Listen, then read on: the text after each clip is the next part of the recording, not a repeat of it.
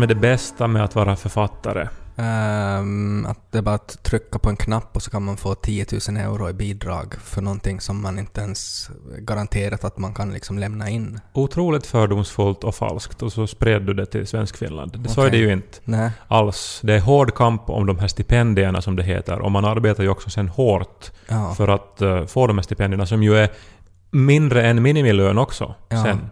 Nå, det bästa är då kanske eh, den här känslan när man har suttit en hel dag och försökt jobba och så har man bara haft liksom ångest hela dagen och kanske skrivit fem ord när dagen är slut. Och så tänker man att ja, jag fick ju stort bidrag åtminstone och så går man hem. Nå, nu är det här bidragen en ganska liten del av författarens liv. Viktiga nog, men ändå inte någonting som man nu tänker på jättemycket. Okej, nå då är det bästa att man kan när som helst mitt på dagen fara och dricka vin. Eller, eller bara gå hem och sova. Mm. Du, Eller inte ens gå hem, för man kanske jobbar hemifrån. Den dag då du ser seriöst på, på, på mina frågor, Mm. så då blir det här förstås en annorlunda podd, Mm. men då får jag inleda med en sån här bra känsla i magen och inte en sån här att jaha, no, men så mycket var jag värd nu då igen. Jag tror att det bästa som författare är kanske när eh, en yngre människa än en själv kommer och, och, och har liksom ögon som på något sätt blixtrar och säger att vet du vad, det var, det var du, din bok som fick mig att eh, göra någonting otroligt. Vill du bli min styvfar? Att han ska säga det, eller hon ska säga det. Men jag tänkte att det kommer säkert nu efteråt här. Ja. Nej. Nej, nå, eh, tack. Det där var ett fint exempel. Och, Mm. och det där har nu kanske inte exakt hänt till Och mig. vet du vem den där pojken var? Det var Elon Musk. Om det här skulle vara en Instagram-bild. Ja, uh, no, det där var ju ett, ett fint hypotetiskt scenario. Men Ja. jag skulle nu bara alltså rent så här om själva jobbet Mm. säga att just de här stunderna när olika saker plötsligt börjar hänga ihop. Eh, ofta så, så, så lever man med olika separata fragment av historier som inte Mm. verkar höra ihop. Och man lever med de här i kanske flera månader ibland Mm. och skriver på någon av de här fragmenten medan man tänker på ett av de här andra. Mm. Och sen plötsligt så förstår man hur de hör ihop. Mm. Oftast hör de nämligen ihop. Ja, Och det är då som historien skapas. ja. När man liksom hittar de här bryggorna mellan de här bitarna. Ja, och man skulle kunna då använda mm, metaforer som att man ser plötsligt tydligt, Ja. eller att eh, plötsligt så kan man orientera sig på kartan. Mm. En författare skulle säkert kunna ha en bra metafor för det där. Touché. Men eh, jag tänkte nu så här i, i den här podden, för att vissa veckor så går man ju i det blinda. Mm. Och eh, nu hade jag ju som skrivit upp ol- olika saker Mhm. eh, som, som jag ville prata om. Mm. Men ingen av dem är egentligen någonting. Det Nej. är bara typ en rad, en tanke. Ja. Men jag tänkte att om vi bara liksom... Om jag får lägga fram dem till dig, så Mm. eventuellt så kanske det blir till någonting. Ja, att vi är lite som Saga Norén som sätter liksom enskilda objekt upp på, på väggen och så ska jag försöka hitta liksom sambandet. Saga Norén är alltså huvudpersonen i den här serien Bron, Mm. som väl... Som jag tittar på. Som du tittar på. Mm. Ja, du, pratar ofta om Saga Norén. Ja. Ja, nej, no, men det första då så är ju eh, aktuellt. Det var ju Runebergsdagen här i måndags. Mm. Och... eh, så här. Eh, Jag håller fram ett papper här. ja, där är... Det ser ut som ett släktträd. Yes. Jag, jag, jag har ritat det själv. Och vä- väldigt slarvigt. Det är inte som att det här ska ramas in eller någonting. Nej. Eh, men det här visar nu då alltså att jag är släkt med Johan Ludvig Runeberg. Nej, men det kan du ju inte vara. Japp. Vi har rätt ut det här och jag fick resultatet i måndags. Eh, det är ju ganska alltså- intressant för att vi har pratat mycket om att du då typ har vikingar i släkten, Ja. eller du skulle gärna önska att du har det. Eh, men, men jag har alltså be- bevisligen Johan Ludvig Runebergs blod i mina ådror. Men om det här nu alltså är sant Mm. så betyder ju det alltså att du med laglig rätt skulle få byta efternamn till Runeberg. Ja, det här har vi undrat över, för att jag och Niko, vi är ju förlovade Mm. och uh, no, det innebär ju att man ju ska gifta sig en dag. Mm. Och eh, då har vi ju tänkt på efternamn, för han heter Ja. ju ett sån här bindestrecknamn, jag heter Ja. ett bindestrecknamn Mm, det var så Eh. ni träffades. på ett sånt här möte Alla vi som inte kan beställa något från nätet. som har problem med flygbiljetter. Eh, Men så har vi funderat på ett efternamn och Ja. Runeberg är ju ett hett alternativ. Alltså sådär att om vi, eh, som en liten throwback till mina skämt i introt vad gäller stipendier och sådär, så nog ser det ju bättre ut om man ska liksom granska vem man ska ge 10 000 euro åt om någon heter Runeberg. Nå, det där är ju just problemet också, för det är ju otroligt pretentiöst om jag som redan då etablerad författare Mm. skulle byta namn till Runeberg och plötsligt heta Kai Runeberg. Ska dina liksom gamla böcker ändras då? Att det ska stå liksom Kai Runeberg? Nå, det får jag säkert välja själv, men, Ja. men frågan är ju om jag täcks Ja. eh, överhuvudtaget. Men ska du byta namn till Johan också? Min storebror heter Johan, så han... Ja. han Han Ja. kunna heta Johan Runeberg. ja, men, men det där var ju då egentligen en liksom sidoeffekt av det här. Mm. Alltså, jag, Jag jag vill, vill bara ju bara... poäng- jag vill bara poängtera här att eftersom varken du eller dina föräldrar har spottat i någon kopp eller, eller svabbat någon kind eller någonting så är ju det här ytterst hypotetiskt. Till skillnad från mina vikingabevis som ju finns. Alltså tvärtom. Alltså här har vi ju, du ser hur det far. Jo men här är det inte något, alltså när man, när jag har fått se hur det funkar liksom de här vikingagrejerna som jag har gjort så då får man en animation på datorn. Det här, du, du, det är ju liksom skrivet med blyerts. Min pappas fammo, Tyne Korkea Aho. Fint namn annars, tycker jag. Tyne. I, ingen kommentar. Ja. Så hon är alltså uh, fem uh, männing med Johan Ludvig Runeberg. Femmänning. Ja. Inte det är ju nära släkt det här. Femmänning låter som alltså typ... Nå, det heter väl brylling eller någonting kanske? Jag vet inte. Det, det finns nog ord. Men, men är femmänning ett riktigt ord?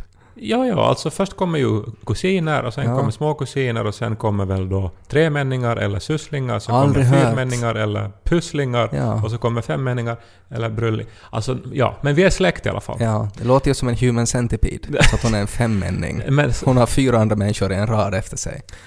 och Johan Ludvig först. Dålig mage hade han, men hjärtat, det var gott. Oj, oj. Uh, Ja. Nåja, men det där var nu egentligen uh, det första saken då. Alltså väldigt så här, vet du... uh, Du, du är släkt med Runeberg? ja, Ja. uh, alltså ganska stor grej. Jag menar, hur ska du toppa det i det här avsnittet?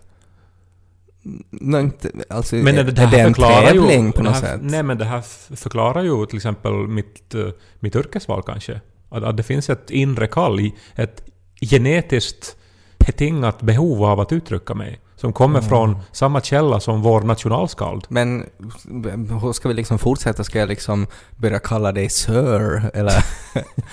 Nej, jag ville nu bara säga det här. Ja. All, alltså för det här är ett sån grej, det är ju ingenting annat nej, än det här. nej. Men att, det, är eh, ju, det är ju på något sätt, alltså det är ju inte ens blygsamt skryt utan det är ju bara på något sätt sådär att ja, nej men kalla mig Runeberg. Ja, precis. Kalla mig Runeberg. Buen purmo puut vuossar bottling Som talar sitt så popna popcorn Så bredvid Popnödena popcorn Så bredvid Lys på Ted och Kai Ja, om jag går vidare då i listan här. Uh, Mm. Lösryckta saker. Uh, Jörn Donner.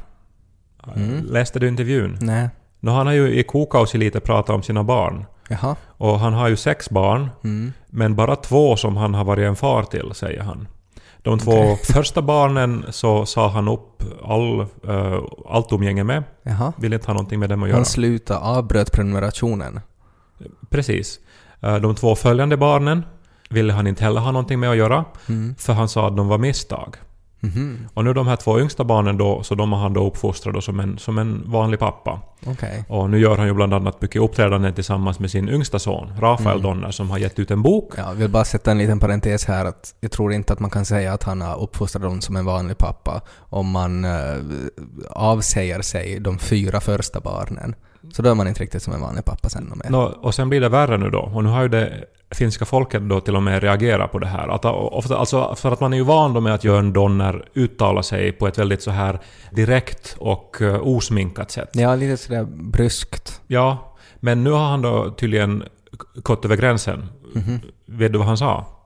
Nej. Nej, för hans uh, ena dotter, en av de här barnen som han inte eh, vill ha någonting att göra med, som Ja. han har kallat till misstag, Mm. eh, hon dog i november av alkoholism. Mm. Och eh, han sa nu då i intervjun att det var ju hennes eget fel, han får inte ens på begravningen. Ja, men det är ju fruktansvärt.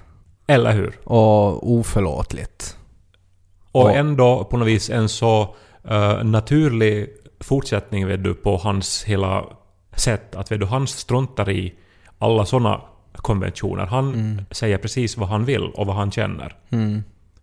Och klart som att jag kan förstå att om det här är nu då ett barn som han då har brutit med för jättelänge sedan, om vi nu kanske pratat 20-30 år sedan, Mm. så är det ju inte en människa som han har förstås någon kunskap om eller direkta känslor för. Nej. Så att man undrar ju, är det liksom nu det får fel eller är det för 30 år sedan? Ja, men det är ju mycket med det där också att om den här källan till alkoholismen och, och sådär så kan ju då kanske bero på att man inte hade ett så kiva förhållande till sin pappa.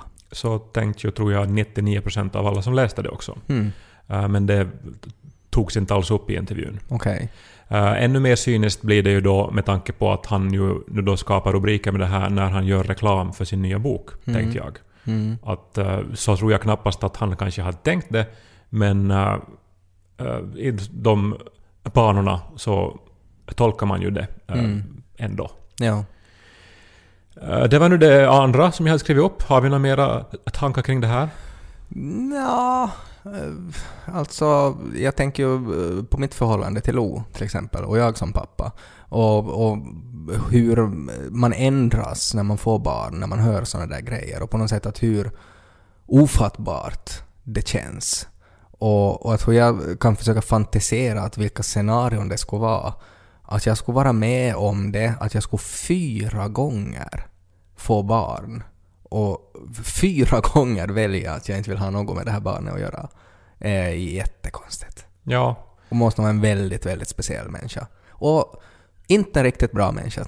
men ändå en av våra mest hyllade uh, människor. Ja, men man kan ju vara ett pisshuvud fast man är hyllad. Men det är någonting idag, alltså jag tänker, eller mina tankar får också till någonting som Donald Trump sa när han sa det här att han skulle kunna exempelvis skjuta någon på femte avenyn i New York och ändå skulle han inte bli mindre populär. Mm. Och eh, sen har han ju under sitt år som president har han ju sagt eh, hundratals saker som ju skulle ha fått vilken annan s- president i vilken annan tidsera som helst att måste typ avgå. Mm. Eh, Men nu har det blivit som så vanligt att nu är det liksom en rubrik och sen glömmer man det. Mm. Och lite så är det ju nu med det här också, att det här är ju som en sån sak att skulle någon annan än Jörn Donners säga det här Mm. eh, så skulle man ju aldrig ta den människan riktigt till sitt hjärta mer kanske, som Nej. en sån här vet du, omtyckt allmän figur. Ja. Men uh, får se nu då om det gäller också för honom. Mm. Nå, eh, det tredje är att de vill kanske censurera en målning på Ateneum. Har du läst om det här? Uh, vad det med den här uh, Kalevala? Ja, Väinämöinen och Aino. Det är den här när Väinämöinen eh, typ han jagar en naken kvinna i sjön. Ja, och Mm. alltså den är ju målad då av Akseli Galén Kallela. Mm. Och en sån här eh, nationalromantisk, klassisk finsk eh, tavla. Vem är det som Älskad. den här kvinnan representerar nu igen? Aino. Ja, Hon och- är typ Joukahainens dotter eller någonting. Ja. Och, eh, och det här, hon är ju då väldigt mycket yngre då än honom. Mm. Och nu i de här metoo-tiderna då, och annars också, så Mm. har man då eh, reagerat på att det är ju väldigt hemskt det här som händer. Alltså en äldre man som sexuellt ofredar en ung tjej. Mm. Och eh, därför då så finns det röster då som har höjts för att man skulle ta bort målningen från Ateneum, Finlands Mhm. nationalgalleri. Uh, Ateneums eh, chef vill inte göra det här och eh, det finns röster både för och emot. Ja, men ska man inte kunna hitta en sorts kompromiss här då? Eh, till exempel som den här spanska kvinnan som målar om Jesus. Kommer du ihåg det? Ja, den här bilden tror jag ju att alla har sett, men har ni inte sett den så ska ni googla på, Ja, på vad ska man googla? kanske Monkey Jesus eller något, för han ser ju ut som en liten apa. Ja, Men jag tänker att skulle man inte kunna då hitta en kompromiss att okej, inte kan vi ju liksom ta bort den här tavlan, men man kanske kan måla över den lite då. Att sätta typ, inte vet jag, att man skulle göra den att den blir lite mer som ett så här Taken-scenario. Alltså att man skulle... nu pratar du om en film som jag inte har sett tror jag. Har du inte sett Taken? Nej, jag har inte Med. Qui-Gon Jinn? Alltså Liam Neeson. Liam Neeson, ja. Eh, Du måste se Taken. Den är väldigt bra. Eh, Det finns typ Taken 2 och Taken 3 också, där de bara tar en massa saker av honom och så Är måste... inte det här det här spelet som du brukar spela med Nico när man ska slåss? Pratar du om tecken? Jaha. Ja, aldrig spelade med Nico. Och nu menar jag tecken med E och 2K, inte alltså med Ä och C och K som man sover på. Det här blir komplicerat. Ja, i alla fall. Jag tänker att man skulle, skulle man inte kunna måla det som ett litet sånt scenario som att, att äh, Väinämöinen skulle vara lite mer Liam Neeson, att man skulle rita att han har en pistol i handen och sen så skulle det vara två äh, andra män som, som drar iväg äh, den här Aino och kidnappar henne och så försöker han bara liksom rädda henne, att han inte alls ofredar henne utan att han försöker men skulle man alltså måla det här över den existerande målningen eller skulle man byta Nej, ut den? förstås inte, utan man skulle kunna sätta sån här OH-papper på den och rita med tusch över det här. Nu får jag ju en idé här och som sagt, Tedokai-podden är ju den bästa källan till idéer och nu Mm. det här till någon aspirerande konstnär där ute. Mm. Eh, gör en utställning med kontroversiella målningar. Mm. Eh, förstås måste ni använda kopior och så typ har ni smörpapper över de ställen som OH-papper. är... Eller Mycket O- bättre. Mm. OH-papper över de ställen som är kontroversiella och där målar man då det som det då så att säga borde vara för att passa in i tidens anda. Ja. Och så är det här en utställning som ju säger jättemycket om tidens anda och om Vad konst. och säger det om tidens anda? Nå, handlar ju om censur, om uttrycksfrihet, om, om tider som ändras och om att så här går det ju kanske inte att göra med konst. Eller går det? Ja. Väcker många frågor, som ju bra konst ska göra. Eh, Den fjärde saken jag vill säga är egentligen inget annat än att jag vill bara säga till alla att nu har jag ett barskåp. Uh, var det, skaffade ett barskåp? Det är mahogny från 50-talet, det har speglar och lampor och en liten nyckel som man öppnade med. Och nu har jag det i mitt vardagsrum och det är så otroligt snyggt. Uh, skaffade du barskåpet före eller efter du blev till Runeberg? Eh, Alltså jag beställde nog det innan jag visste att jag var då en, en Runeberg. Mm. Eh, Men nu känns det ju bara liksom som att jag innerst inne alltid har måste veta att jag är Runeberg. Mm. För att nu när jag sitter där i soffan och tittar på barskåpet som är på glänt Mm. och det är lampor och det är de här flaskorna och ljuset som- speglas i de här Du gör, olika... du gör alkoholen så attraktiv som möjligt, helt enkelt. Att, alltså så att det faktiskt inte ska gå att säga nej till en liten drink. Mitt på dagen. Men får vi ihop det här då till någonting? Jag har sagt fyra saker. Jag är släkt med Runeberg, Jörn Donner är möjligen ett asshole, uh, Ateneum uh, har då, har då må- måste fundera på om man ska censurera en målning och jag har ett barskåp. Nå, det är ju på något sätt, allt har ju att göra med eh, former av kultur, på sätt och vis. Mm. Uh, Jörn Ja. Donner är författare, Runeberg var författare, du är författare. Uh, Galén Kallela var bildkonstnär bildkonstnär, och barskåp. Används av författare. Ja, ibland så får man inte ihop alla sina fragment till en, en historia. Nej, Men eh, vi kanske kommer på någonting ännu under poddens gång. Eller Mm. så eh, kanske det här får bara leva i våra sinnen som Mm. små facklor som kan bli till stora eldar. Fast det är inte liksom grejen med facklor att de inte ska sprida eld utan att de ska liksom, att det ska vara väldigt, att det ska hållas på ett ställe. Sätt det ej under käppan, nej. Det ska få lysa klart, lysa klart, klart, klart, lysa klart. Caere, caere korkea, ah, ho. Caere korkea, ah, ho. Kai ko, ko, ko, ko, korkea, ho. Det är ju en jättebra argumentationsteknik att man avbryter den andra med en psalm. det är ganska liksom svårt att, att kontra. Det här tror jag kyrkan har ju kört med. Alltså det var ju alltid då när prästen då höll sin långa predikan. Mm. Ofta var den ju full av helt huvudlösa påståenden. om, om vetenskap och om hur man skulle leva. Jaha. Och så var det någon som var sådär att men att vänta nu, om Adam och Eva var i paradiset och en orm kunde prata. Och då avbröts han av en enorm orgelfanfar och så började en psalm. Det var därför de har orglarna. Att det ska bara liksom få folk att shut up. Ja, och det är ju ett ljud som är så mäktigt att man kan ju inte liksom fortsätta vid att försöka prata över det. Tror du att när de liksom bestämde då, alltså att, att på ett sätt är det så här att okej, nu har vi byggt då, vi har uppfunnit kyrkan. Eh, nu ska vi kunna ha ett instrument i kyrkan. Vi ska inte ha någon orkester. Vi ska ha det, det ska vara liksom enkelt och stilrent. Vi ska bara ha ett instrument. Så tror du de liksom testa alla, liksom tills de kom fram till då, nej men kyrkorgeln, det är ju det vi ska ha. Att de stod där i något skede så hade de liksom klaves, eller en en uh, liten trumpet. Ja, no, jag tror ju att, uh, att det ju krävdes ett stort instrument och då finns det ju inte jättemånga. Säkert Mm. försökte man kanske med sån här uh, harpsichord, vad heter det? Mm. Alltså en uh, Så här som änglarna spelar på. nej, sån här parockpiano, det har ett annat namn också men nu kommer jag inte på tyvärr vad det heter. Det, Ja. det, det som låter, är det som, som i den där Radio Pleppo-sketchen? Ja, Precis, den. det ljudet. Ja, jag älskar det ljudet. Ja. Ja, det, Så 1800-tals piano, typ. typ. Men något i den storleksklassen alltså, Mm. borde det ha varit. Ja. Orgeln fungerar ju egentligen lite grann som de här jinglarna i den här podden också, att alltid Mm. om man så här vill lite avsluta någon grej, Mm. eller, eller som gör något sorts sån här eh, avbrott för att eh, det liksom blir dramaturgiskt vettigt, så kör man ju då med en jingle. Mm. Eh, men nu skulle det vara mäktigare om det skulle komma plötsligt ett stort orgelljud. Jag menar, då är ju allting sagt och gjort. Mm. Så nästa gång vi blir det strid om pälsfarmning så kan jag liksom istället för att svara liksom på dina argument så kan jag bara liksom sätta in att en enorm orgel. Ja, eller jag skulle ju tro nog att när orgeln sätts in så förstår allihopa att det var jag som ändå hade förnuftet på min sida. Men det var egentligen inte det som jag skulle prata om, utan det som jag skulle prata om var att nu har Nintendo äntligen tagit ställning till eh, ett av barndomens mysterier, helt enkelt. Jag pratar om Toad, alltså Marios svampkompis.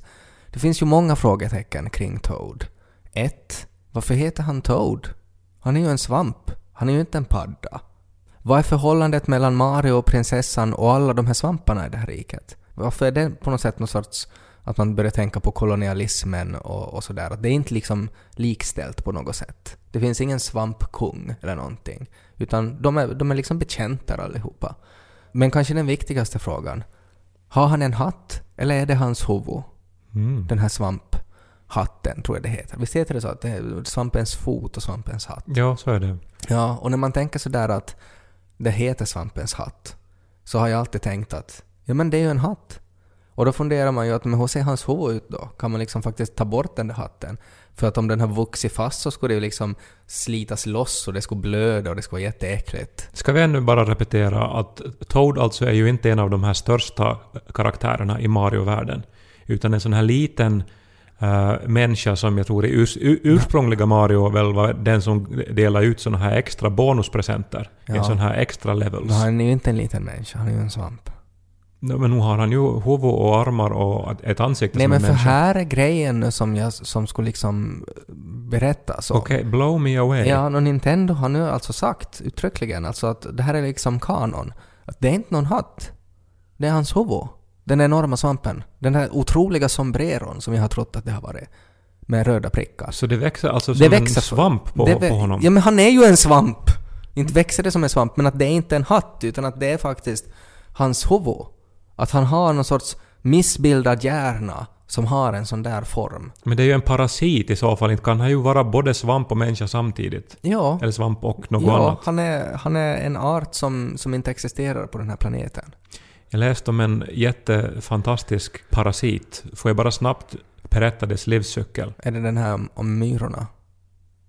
För då har jag hört om den. Ja, myror är involverade i Mm. processen också. Den här som styr myrorna Ja, och gör dem till zombies. ja. Mm. Så ska jag berätta eller Nej, inte? du ska inte berätta. Det är gammalt. Folk kan googla själv. De gjorde ett spel utgående från det där. Last of Us heter det. Väldigt bra spel. Okej. Men har du inte haft ett förhållande till Toad? Jo, Du har jag, ju jag spelar Mario. alltid som Ja, Toadie. men här kommer det ju fram att du inte alls har funderat på honom. Du kallar honom till en liten människa och... Nej, han- jag tror att jag på något vis sympatiserar med honom för att han var så här oskyldig och näpen. Tror Han jag. har ju en väldigt äcklig röst också. Så där låter han ju. Alltså att, han- så här att om Mario och Luigi har ändå så, ja, såna där röster, eh, så har ju han en sån här, alltså mer som en dinosaurie på något sätt. Alltså väldigt så här skrovlig. Men hans förhållningssätt till de andra tycker jag är liksom i grunden positivt, för han var den som delade ut extra liv och extra kärnor och sånt här. Och sen så, på något vis, han var Men tycker du inte det är konstigt vad hans relation till Mario och prinsessan är? Nej men det... Alltså de, de är ju alla konstiga. Ingen av dem hör ju ihop Nej, och men- de rider ju på dinosaurier Jo, också. men varför... Grejen är den Men att... Mario och Luigi Jo är ju men då, människor. när han har nu sagt den här gubben att det inte är en hatt som Toad har på sig, utan det är hans fucking huvud. Så det här betyder att jag inte kan lita på något i Mario-världen och mer. Jag vet inte att har prinsessan en rosa klänning eller är det någon sorts upp och nervänd svamp som växer från hennes nedre del eh, som ser ut som en klänning men egentligen så är hon typ fetaost eller något. Och det är ju otroligt. Och Yoshi, vad är han för något då? Otroligt äckliga tankar. Ja, men ändå. har Yoshi en sadel på sig eller är det något äckligt eksem med någon så här hård tumör som man rider på? Men va- varför skulle det vara så? Bara Nej men de måste, för- bara, de måste ju bara förstå att om man säger, om Nintendo säger att så här är det, by the way, har ni tänkt på att det inte är en hatt, det är hans huvud, så de måste ju förstå att det här Men det ändrar ju- ju hur man tänker på allt det andra Men du också. sa ju själv att det är en fråga som du någon gång i tiden har undrat över. Inte har du någonsin undrat över om prinsessan bara har underlivssvamp? Nej men för jag var säker på att det var en hatt, jag var säker på att det var en hatt, förstås. Som alla normala människor tänker. Han har en svamphatt. Och så säger han att nej, det är inte en svamphatt, det är hans huvud. Ja, Jag tycker någon... inte att det är konstigt att man börjar fundera. Och vad är grejen med Baby Mario? Hur kan Baby Mario och vuxna Mario finnas samtidigt? Jag bara... Eh, enda som jag kan tänka nu är att jag hade lite ångest för den här podden för att jag kom in hit då med bara några såna här lösryckta saker. Mm. eh, som ändå behandlar viktiga samhälleliga frågor som ska vi censurera konst, ska vi bära upp Jörn Donner Mm. och ska vi kanske hylla mig som nationalskald. Mm. Och, eh, men så kommer du med, med de riktigt djupa frågorna här nu. Mm. Jag har bara en sak att säga om det. Men jag har tänkt på det där, jag vet inte om jag skulle kunna vara författare och skriva eh, på det sättet, åtminstone inte som jag gör nu, men överhuvudtaget om jag skulle vara pappa. Jag trodde att du skulle säga att om du skulle ha ett svamphuvud. Det, skulle kanske också komplicera saker. Nej men det är men, ju sådär att om du då är med Efter nio så är inte du där för att prata om dina böcker utan du är nog där för att prata om ditt enorma svamphuvud. I något och, och, och, och så skulle Sonja vara sådär att jag har alltid trott att det var en sombrero. I något skede så skulle de ju uh, måste sluta prata om själva svamphuvud och som utgår från att alla vet så man inte ens ska måste kommentera det. Annars är det ju varje gång man är i TV med sitt svamphuvud så, så då måste man ju adress elefanten i rummet först. Men i något skede, och jag vet inte när det händer då, så då ska alla veta. Vet du, Att alla vet vad det beror på, så man eh, måste inte prata om det. Mm. Jag menar, folk har ju såna här olika attribut. Ja. Inte vet jag om eh, Gorbatjov hamnade och pratade om sitt födelsemärke i, i alla intervjuer. Nej men nog tror jag att det var behandlat.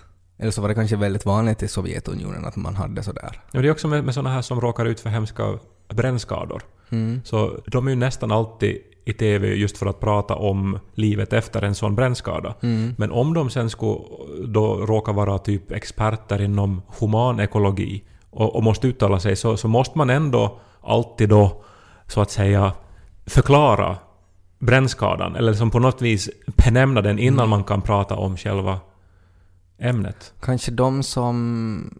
Kanske Daft Punk.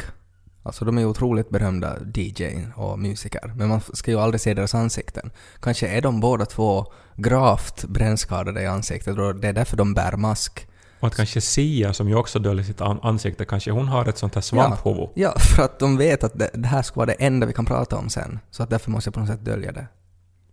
Det här får mig att tänka på en vits eh, som är en man kommer in på en bar eh, och den här mannen har ett otroligt... Var han hemma hos mig i mitt barskap? Ja, han kanske? kommer, han kommer in... eh, Han kommer hem till dig och du sitter där i soffan eh, med en sån här salongfylla på gång. Klockan är halv elva på morgonen, du är på jobb. Den här mannen kommer in och han har ett otroligt stort, konstigt svamphuvud. och du är sådär att oj shit alltså, vad har hänt? Och han är sådär, ja, alltså det är en lång historia men att jag hittade en magisk lampa Uh, och så gnuggade jag på den här lampan och så kom det en ande som sa att jag kan ge dig tre önskningar. Och så sa du att oj wow, men vad önskar du då?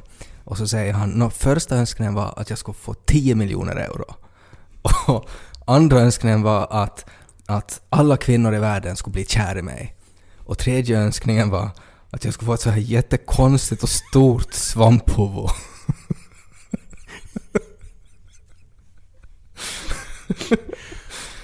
Ah, Ja, en skojig vits. ja, det är en rolig vits. Ja. Eh, Jag vet inte, har vi kommit fram... Alltså för jag är som sagt ännu inne på det här författandet att ofta när man bara associerar fritt och eh, är öppna, Var det inte så att jag, kreativa människor. jag avbröt ju dig? Du höll på att säga någonting att du skulle inte kunna bli författare om, Ja, förlåt. Nej, men om jag skulle ha barn. om du skulle ha barn. Ja, ja, det är klart ja. du skulle inte kunna ha. Du skulle ha liksom kacka på manuset. Ja, men det är ju jättemånga författare eh, som eh, har barn. Mm. Eh, och som många av mina kollegor. Eh, Men så finns det ju då de här som Jörn Donner som ju inte bara är författare, han har gjort en massa filmer och varit i riksdagen och allting. Att Och man kan hur- bara på något sätt sätta bort fyra barn han för att kunna skriva böcker istället. uppenbarligen då löst problemet genom att strunta i sina barn. Mm. Eh, och eh, jag undrar ändå om jag måste försöka liksom visa honom lite förståelse då, att han har på något vis satsat på konsten. Det är givetvis vidrigt mot hans barn. Ja, men man samtidigt ska- så måste man ju ha konst i världen också. Ja, men om man vet att man i sitt liv vill satsa på konsten, så då ska man inte heller satsa utan kondom. Där har du en point i och för sig. Mm. Att om det är så att man vet att ja, om jag någonsin får barn så kommer jag att skita i dem. Se nu till att du inte får barn då.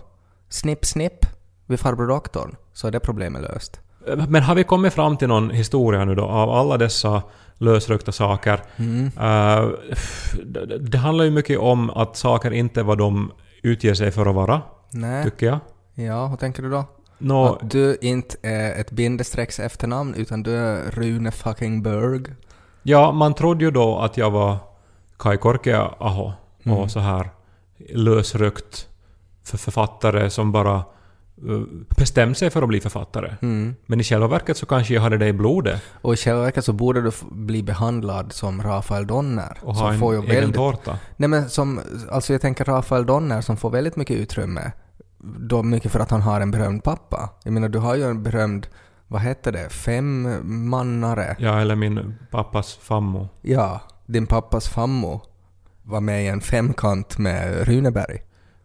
Och, och På jag svenska, på svenska klubben. ja, det skulle ju... Den beryktade vinden i Svenska klubben dit ingen utom medlemmarna får gå in. Mm, Eh, så eh, det visste man ju inte. nej. Och uh, Jörn Donner trodde man ju att var en bra pappa. Ni, ja, Nej, det trodde nog ingen. nej det trodde nog ingen. Men att det kanske man visste inte att hur dålig han var. Den här målningen av Axel i Kalén Kallela trodde man ju att var sexistisk. Mm. Och det var den väl. Men samtidigt var den ju en spegel av sin tid och Mm. skulle kunna väl... Lätt fixas med lite tusch och OH-papper. Som det mesta i livet är. Fixa det med OH-papper. Starta en sån firma. Är det någon som lyssnar som vet vad OH-papper Nej, är? n- man borde kanske alltså... Alltså plastfilm Make. OH-papper great again. Och till sist har vi kvar mitt barskåp. Ja men har det varit en, ens någon grej där? Alltså du är ju bara... Du är ju bara sjukligt nöjd över att du har vunnit ett så här Mad Men barskåp i en auktion. Det är bara det du vill säga. Du vill ju bara skryta om det. Alltså som att det inte var tillräckligt att du är släkt med Runeberg, så vill du också säga att du är så pass förmögen att du kan köpa antika barskåp som du har i ditt vardagsrum. Och så dricker du sprit när du sitter hemma och inom citationstecken jobbar. Man kan göra så mycket när man inte måste köpa blöjor, Ted. Kai.